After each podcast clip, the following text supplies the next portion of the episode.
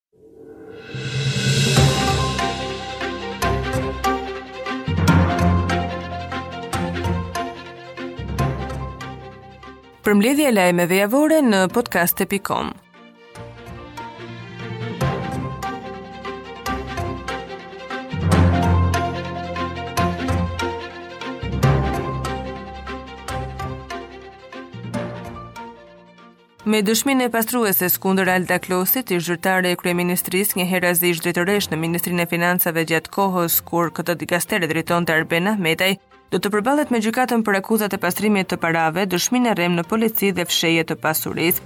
Përkundër ish drejtoreshës së koncensioneve Klosi nuk janë vetëm fjalët e Rozeta Dobit, një grua që është kthyer në kutinë e Pandorës, por edhe e prova të tilla si 405.000 euro të fshehura në kuzhinë, për të cilat 41 vjeçarja duhet të tregojë se si i fitoi, po ashtu edhe për shumën 120.000 euro të denoncuara se ia kishte vjedhur pastruesja. Në një seancë të gjatë në policinë e Tiranës, pastruesja Dobi ka sqaruar shumë aspekte të hetimit që vulosën fatin e shefes së saj, pasi pranoi se ish zyrtarja i kishte kërkuar që t'i fshihte paratë në tetë shtëpitë që zyrtarja posedonte. Kam parë shumë para në kuti të fshehura në batanije me Arben Ahmetajn, Klosi kishte marrëdhënie personale. Mësohet të ketë rrëfyer gruaja e cila ka pranuar të flasë për orë të tëra para grupit të hetimit. Pikërisht përmendja e ish ministrit të Financave Arben Ahmetaj ka hapur diskutime mes prokurorëve dhe nëse kjo çështje duhet të hetohet pas kësaj deklarate nga SPAK apo nga kjo e kryeqytetit, që sakaq garanton se do të hetojë çdo të dyshuar. Rreth këtij hetimi ka shumë paqartësi për të cilat prokuroria dhe policia po përpiqet të hedhë dritë. Së pari, për shkak se pastruesja ka rrëfyer se paratë i sillnin me kuti persona të panjohur, grupi i hetimit duhet të provojë se kush është pronari i vërtetë i milionave me euro.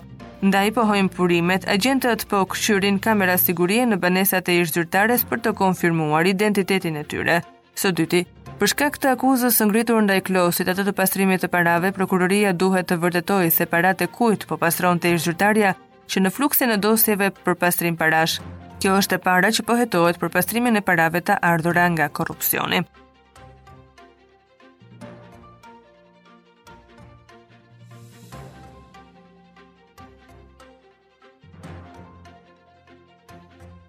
Sistemi në të gjitha pikat e kalimit kufitar të Juglindjes me Maqedoninë e Veriut ka rënë në mëngjes duke lënë radhë dhjetëra mjete. Nga ora 6, makinat kanë mbetur të bllokuara në doganën e Qafthanës për shkak të një defekti në sistemin e përpunimit të të dhënave të palës maqedonase. Fluksi më i lartë i mjeteve është në dalje nga territori ynë. Pala maqedonase punoi manualisht prej mëngjesit dhe kjo procedurë ka krijuar vonesa dhe radhë në kufi. E njëjta është situata edhe në pikën e kalimit kufitar në Tushemisht e Goricës. Autoritetet e kufirit ende nuk kanë një njoftim nga pala maqedonase se kur pritet të riparohet defekti në sistem.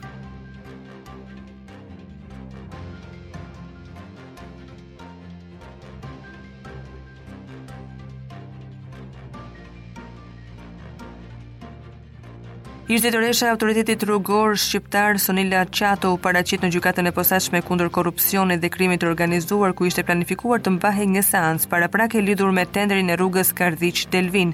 Seanca paraprake u shty për javën e ardhshme, ku gjykata do të vendosë nëse çështja e Sonila Qatos dhe nëntë të pandehurve të tjerë do të kalojë apo jo për gjykim. SPAK e akuzon ish-zyrtaren e ARSH-së për shkelje të barazisë së tenderave, shpërdorim detyre, falsifikim i dokumentave dhe korrupsion pasiv i personave që ushtrojnë funksione publike, ndërsa hetimi vijon në lotin e 7 të rrugës Kardhiq Delvinë me vlerë gati 60 milion euro. Kontrolli i Lartë i Shtetit me një kompani ndërtimi denoncuan shkeljet në tenderin Kardhiq Delvinë. Për këtë çështje po hetohet Sonila Qato, Elona Gogo, Simon Prendi, Arbër Troka,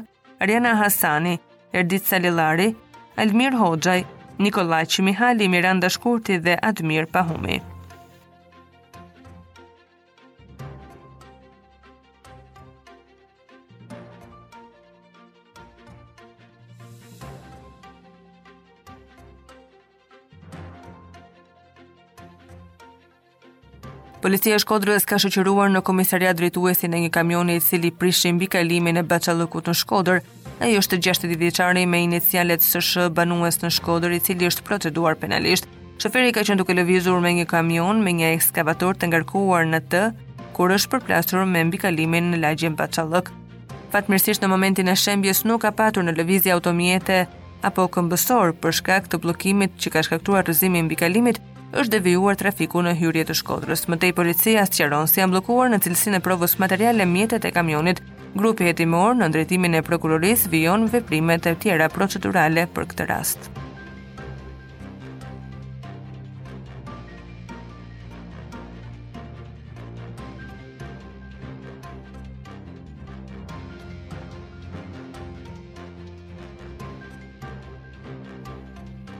Gazeta New York Times ka zbuluar detaje të reja se si ish-zyrtari i lartë i FBI-së Charles McGonigal nuk i kishte mbajtur të fshehta takimet e zhvilluara në Shqipëri me kryeministrin Edi Rama.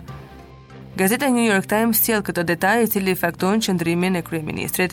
Gatishmëria e McGonigal për t'u takuar me kryeministrin e Shqipërisë në një vend i cili ka një prezencë diplomatike amerikane Sugjeron se ai nuk e mbajti sekret te kolegët përfshirjen e tij, na thotë një ish-zyrtar, po ashtu McGonigal, përdori adresën zyrtare të FBI-së dhe telefonin për këtë çështje, na thotë një person me dijeni të këtij hetimi.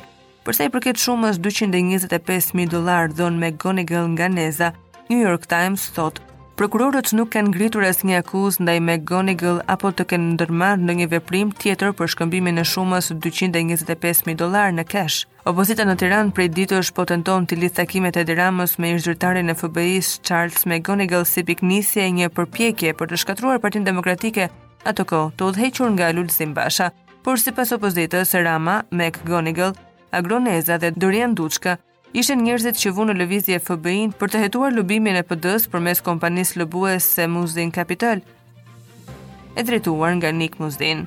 New York Times ndalet edhe në këtë episod dhe thotë mbetet e paqartë nëse Departamenti i Drejtësisë ndërmori hapa të tjerë për të hetuar Nick Muzin dhe asnjë akuzë nuk u ngrit kundra tij.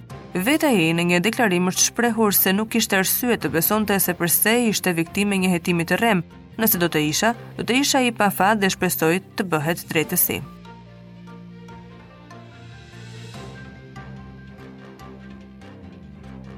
Pas shkrirjes së gjykatave të apelit më datë një shkurt në të gjithë vendin dhe përqendrimit të tyre në një të vetme në Tiranë, të gjitha çështjet, të cilat nuk kishin një datë të caktuar, janë rihedhur në short për të caktuar gjyqtarët. Mes çështjeve pa një datë të caktuar për shqyrtimin ishte dhe ankimimi që Partia Demokratike e Alibeajt i ka bërë vendimit të gjyqtarit Agron Zhukri që i dha vulën e partisë Sali Berishës më datë njëzet e pesë mars të vitit të kaluar duke e njohur Kuvendin e njëmbëdhjetë dhjetorit. Shorti ka caktuar si gjyqtare relatore Elona Mihali, ndërsa dy anëtarët e tjerë të trupës do të jenë Rida Kacerja dhe Astrit Kalaja. Nga kampi i Berishës akuzojnë se vendimi është zvarritur qëllimisht për të marrë peng opozitën, ndërsa më herët Alibeaj u tërhoq nga kërkesa për të bashkuar në një çështje regjistrimin e dy statuteve. atij të korrikut 2021 dhe të dhjetorit 2021.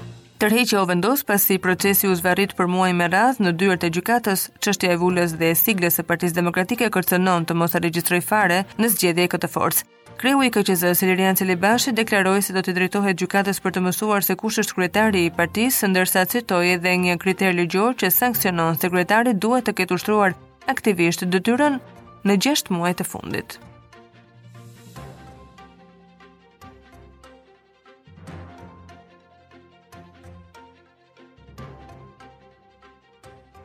Shkolla e re Bedri Llagami në Vaqarr do të presë 600 nxënës në kushtet më të mira. Kryetari i Bashkisë së Tiranës Erion Veliaj inspektoi punimet për ndërtimin e shkollës së re, ku deklaroi se në zonën e Vaqarrit po investohet çdo ditë më shumë. Sot është një ditë shumë e mirë për Vaqarrin, jemi në fund të punës në shkollën e re Bedri Llagami. një shkollë e bashkuar me parashkollorin, nëntëvjeçarin dhe shkollën e mesme, me të cilin zgjidhim përfundimisht hallin e komunitetit. Fillimisht strehuam njerëzit e prekur nga tërmeti dhe tani po ndërtojmë shkollën dhe hapi i tretë janë institucionet vendore. Në fund Veliaj i ftoi banorët që të regjistrojnë fëmijët në shkollat pranë banesave të tyre për të shmangur mbingarkesën dhe mësimin me dy turne.